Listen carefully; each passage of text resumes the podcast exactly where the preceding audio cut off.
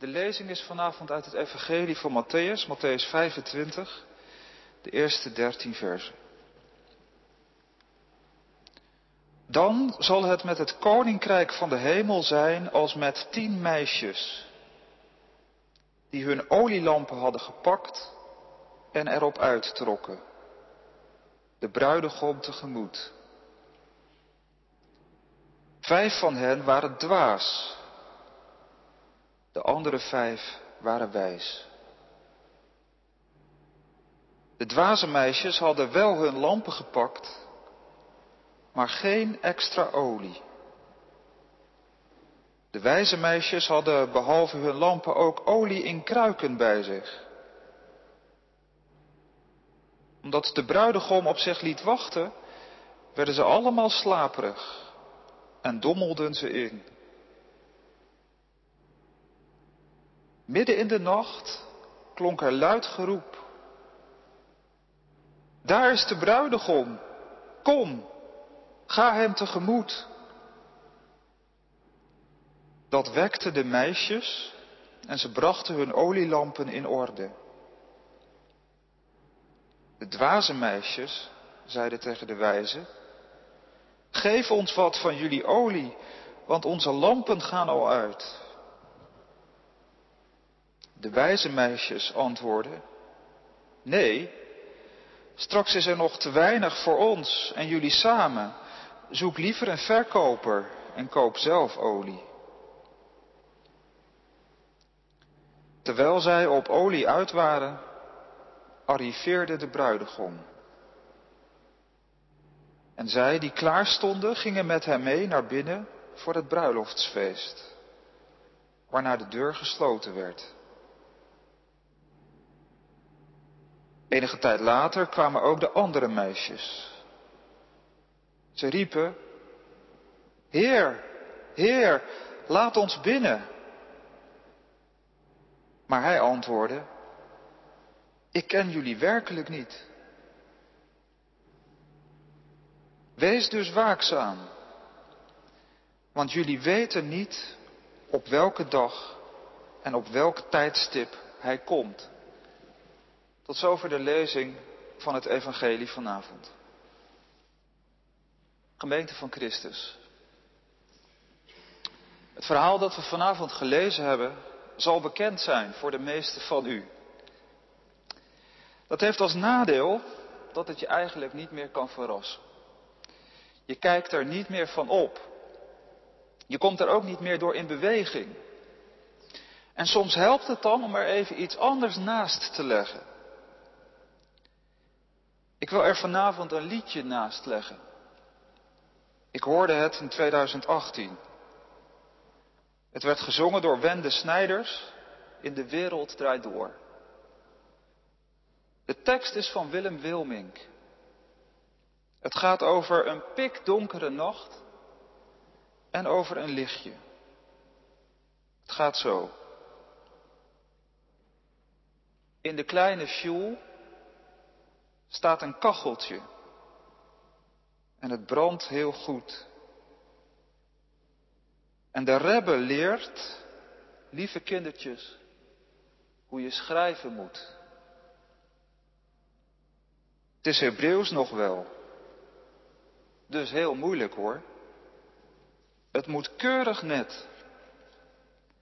Heb je het mooi gedaan, dan wordt een vlaggetje in je schrift gezet. En de Rebbe zegt, lieve kinderen, kennis is geen macht, maar kan toch nog wel een lichtje zijn in stikdonkere nacht.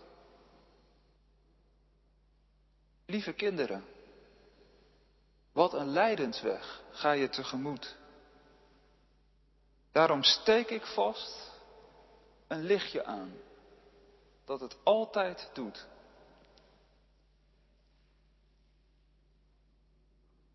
De stikdonkere nacht waar het in het liedje over gaat, doet denken aan de Holocaust. Die nacht is stikdonker. Je ziet in die nacht geen hand voor ogen. Maar het liedje spreekt toch van een lichtje De rebbe leert de kinderen lezen en schrijven in het Hebreeuws. In het lezen en schrijven gaat het blijkbaar om de Torah. Door te lezen in de Torah leren kinderen de wil en de daden van God kennen. Die kennis geeft geen macht. Het onheil wordt er niet mee door voorkomen. Maar het weten van God kan toch een lichtje zijn in stikdonkere nacht. Misschien komt door dit eenvoudige liedje over licht en duisternis het verhaal dat wij vanavond lezen een beetje tot leven. De nacht komt tot leven, wat nacht kan zijn. En de vraag naar licht in de nacht wordt urgent. Het is met het koninkrijk van de hemel als met tien meisjes. Ze gaan op weg naar een bruiloft. Ze gaan de bruidegom tegemoet. Hij is al onderweg. Alle meisjes hebben een lamp bij zich, want het is avond. De zon is ondergegaan. Zonder lamp zie je geen hand voor ogen. Het is met het koninkrijk van de hemel als met tien meisjes. Meisjes. Meisjes als Maria aan het begin van het evangelie. Ze zijn nog niet getrouwd. Dat betekende in die tijd dat het belangrijkste in het leven nog moest komen. Hun leven is nog niet af. Het is nog niet compleet. Het zijn meisjes, maagden. Want het is niet goed voor een mens om alleen te zijn. Deze meisjes zijn allemaal nog aan het wachten op de ware. Hun leven is als een bloemknop die erop wacht om open te gaan in het licht van de zon. Het vreemde is dat er in dit verhaal over de komst van de bruidegom niet gesproken wordt over een bruid. Het is alsof die tien meisjes allemaal op die ene bruidegom aan het wachten zijn. Hun leven is niet af. Ze kunnen nog geen vrede hebben met hun hier en nu. Hun leven is nog niet af. Het is niet gesloten en van zichzelf vervuld. Het richt zich op de toekomst. Het is met het koninkrijk van de hemel als met tien meisjes als Maria. Zoals het meisje een beeld is van verwachten, zo is de nacht dat ook. Want in de nacht wordt het licht gemist. Er zijn wel lampen aangestoken, maar de nacht is wel rondom. In het liedje van Wende Snijders staat de nacht voor de verschrikking van de Holocaust. De Holocaust is een stikdonkere nacht waarin mensen hebben gesnakt naar licht. De nacht is daar waar mensen geen mens meer kunnen zijn. Daar waar onrecht wordt gedaan. Het is nacht als dood en zonde in en om ons heen zijn. Het is nacht als wij ons verliezen in ruzies en roddels. Het is nacht als wij elkaars naasten niet zijn. De nacht is het grote nog niet van de dag. In ons verhaal is de nacht ook dit, dat de bruidegom onzichtbaar is. De stoet van de bruid kan de stoet van de bruidegom nog niet zien. Ze hebben gehoord dat hij eraan komt. Ze zijn niet voor niets al naar buiten gegaan. Ze hebben niet voor niets hun lampen aangestoken. Maar ze zien hem niet. De meisjes staren het donker in. Om te zien of er ergens al een lichtje aankomt. Maar nee, er is geen mens te zien in het donker van de nacht. De bruidegom. Heeft hij vertraging? Waarom komt hij niet? Zijn verdwaald in het donker? Hebben we ons vergist in de afspraak? Is er onderweg iets gebeurd? Wat doet het met die meisjes dat ze zo lang moeten wachten? De kans is natuurlijk groot dat de spanning waarmee de bruidegom verwacht werd wegloopt. De verveling slaat toe. Misschien is dat wel typerend voor onze tijd, dat woord verveling. We hebben het heel druk, maar als alle drukte even wegvalt, dan kan dat zomaar toeslaan, verveling. Dat er even geen prikkels meer zijn, dan voel je dat, wat er onderhuids is. Verveling is eigenlijk dit, dat je niets meer verwacht. Dat je nergens op hoopt. Dat je niet weet wat je aan moet met je leven. Dat je geen doel hebt in je bestaan. In het verhaal dat Jezus vertelt vallen de meisjes allemaal in slaap. Dat lijkt niet het springende punt van de gelijkenis te zijn. Maar aan het einde van het verhaal roept Jezus er toch wel toe op om wakker te zijn. Wees waakzaam. Geef de verwachting niet op. Blijf uitzien naar de komst van de bruidegom. Las pas een aangrijpend verhaal in een boekje over de houding van het wachten. De schrijver van het boekje vertelt over een bezoek aan een psychiatrisch ziekenhuis. Hij meldt zich bij de balie en vertelt dat hij op bezoek komt bij John. De verpleegster achter de balie zegt dat hij verwacht wordt.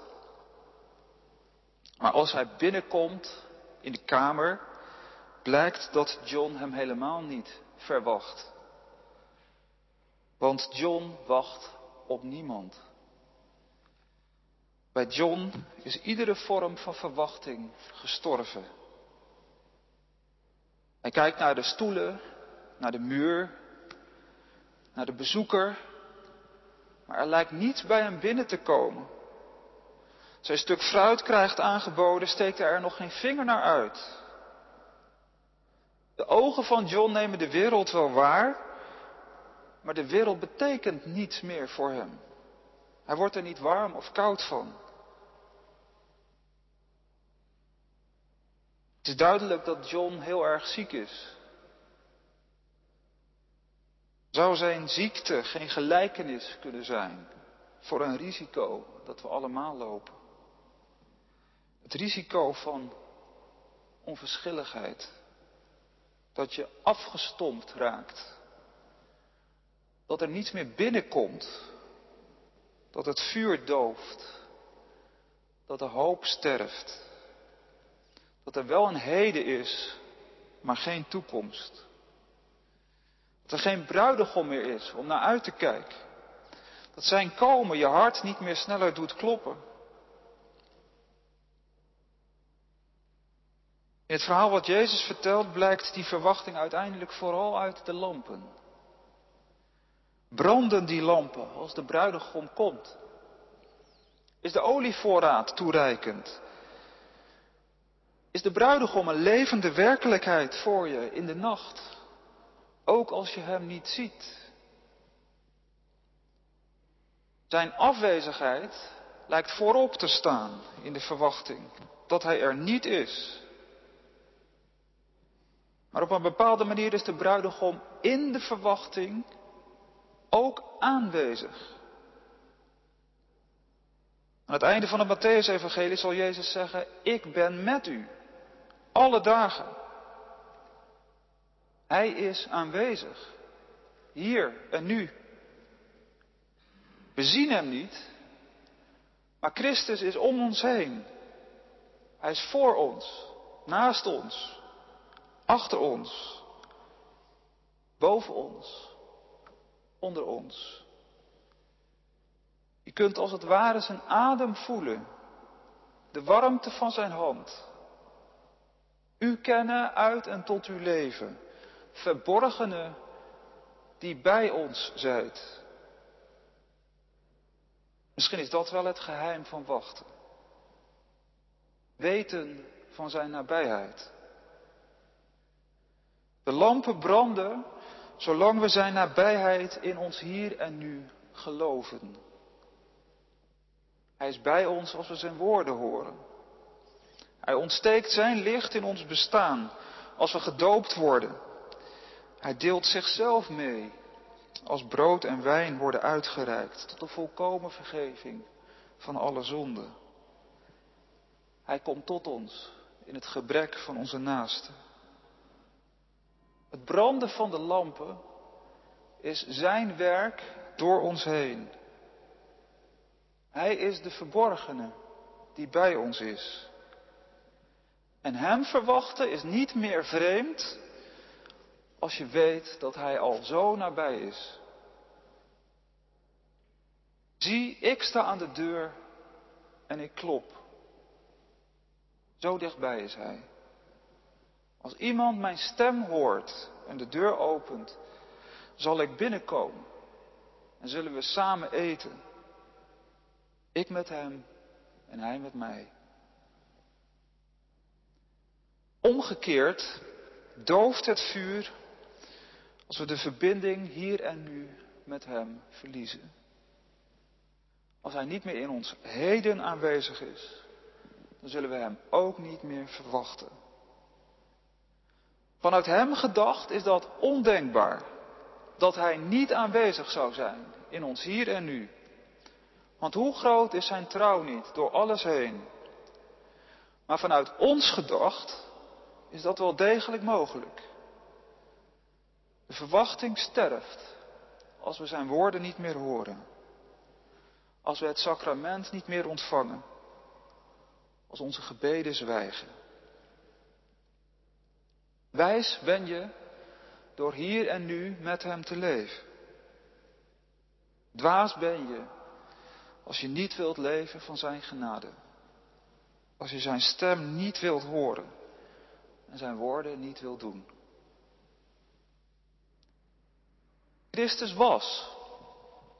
Hij is en hij komt. Want midden in de nacht heeft er een kreet geklonken. Zie daar de bruidegom. Ga uit, hem tegemoet. De meisjes worden wakker en doen hun lampen aan. De dwaze meisjes zeggen tegen de verstandige meisjes: Mogen wij wat van jullie olie gebruiken, want onze lampen willen niet branden. Nee, zeggen de verstandige meisjes, dat gaat niet. We hebben alleen genoeg voor onszelf. Je zult het ergens anders moeten kopen. Dat klinkt niet sympathiek. Op andere plaatsen in het evangelie gaat het er juist om te delen. Maar er zijn dingen in het leven die je niet kunt delen. Daar zijn ze te eigen voor. Het wel of niet kennen van iemand, dat is niet overdraagbaar. Vertrouwd zijn met elkaar, dat kan je niet aan een ander geven. Niemand anders kan in plaats van jou geloven. Als de bruidegom komt, kan je niet wegschuilen achter een ander. We horen wel bij elkaar als gemeente. We zijn aan elkaar gegeven. Maar het is tegelijkertijd ook zo dat wij allemaal bij name worden geroepen. We zijn één voor één gedoopt. En we zullen ook één voor één voor Hem verschijnen. Dingen kan je aan een ander geven. Maar de olie van dit verhaal is te persoonlijk om gedeeld te worden. De vijf dwaze meisjes hebben daarom een probleem als de bruidegom komt. De vijf meisjes van wie de lampen wel branden, gaan met hem mee. Ze vieren met hem het grote feest. Wat een beeld voor de toekomst. Het huwelijk van hemel en aarde wordt gevierd. Het feest van de vereniging van bruid en bruidegom barst los. Want in de zichtbare aanwezigheid van de bruidegom is aan de meisjes alles gegeven. Ze ontvangen met zijn komst witte kleren. Hij is hun nieuwe schepping. In hem is de vergeving van hun zonde zeker. Het eeuwige leven wordt hen met hem geschonken. In hem komt het bestaan van de meisjes tot haar bestemming. De bloemknop van hun leven gaat open als deze zon over hun bestaan gaat stralen. Later komen ook de andere meisjes aan. Ze zeggen, Heer, Heer, laat ons binnen. Maar de bruidegom antwoordt, ik ken jullie niet. Jullie zijn vreemden voor mij.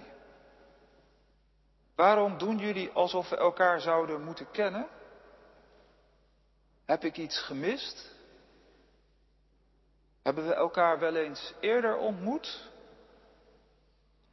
Waarom zouden jullie deel uit moeten maken van dit feest als we vreemden zijn voor elkaar?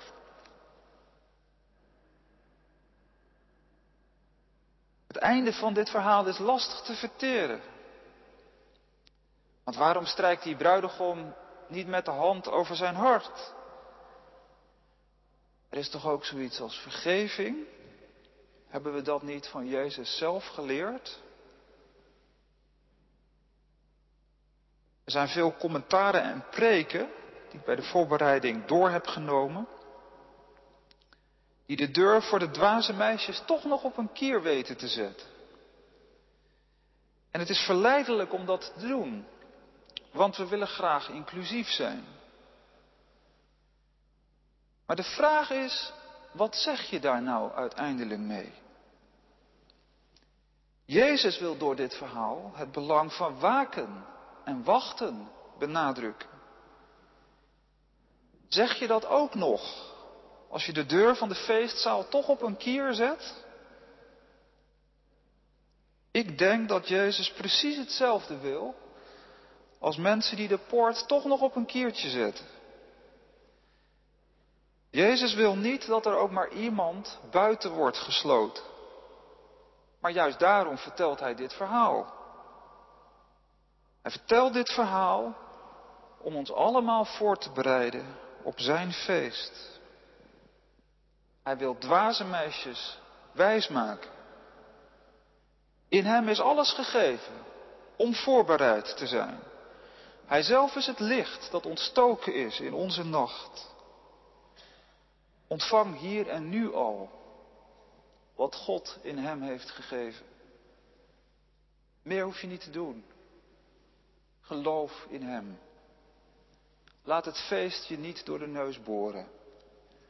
Wees wakker en leef in zijn licht.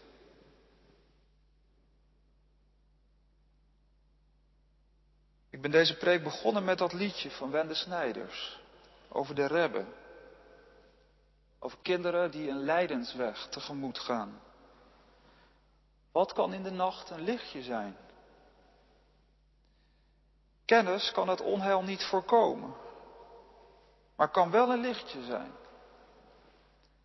Kennis. Kennis van het woord van God. Kennis van de Torah. Weten van God die recht doet. Wat is ons licht als alles duister is? Is Christus zelf niet het licht dat ontstoken is in onze nacht? Het is misschien niet een heel erg groot licht. Het lijkt misschien wel op de vlammetjes die hier vooraan in de kerk te zien zijn. Het licht van een brandende kaars in de nacht. Maar dat kleine lichtje, dat kleine vlammetje, is een belofte. Het is de belofte van de grote morgen. Van het opgaan van de zon. Van het komen van de bruidegom. Wees dus wakker en verwacht hem. Amen.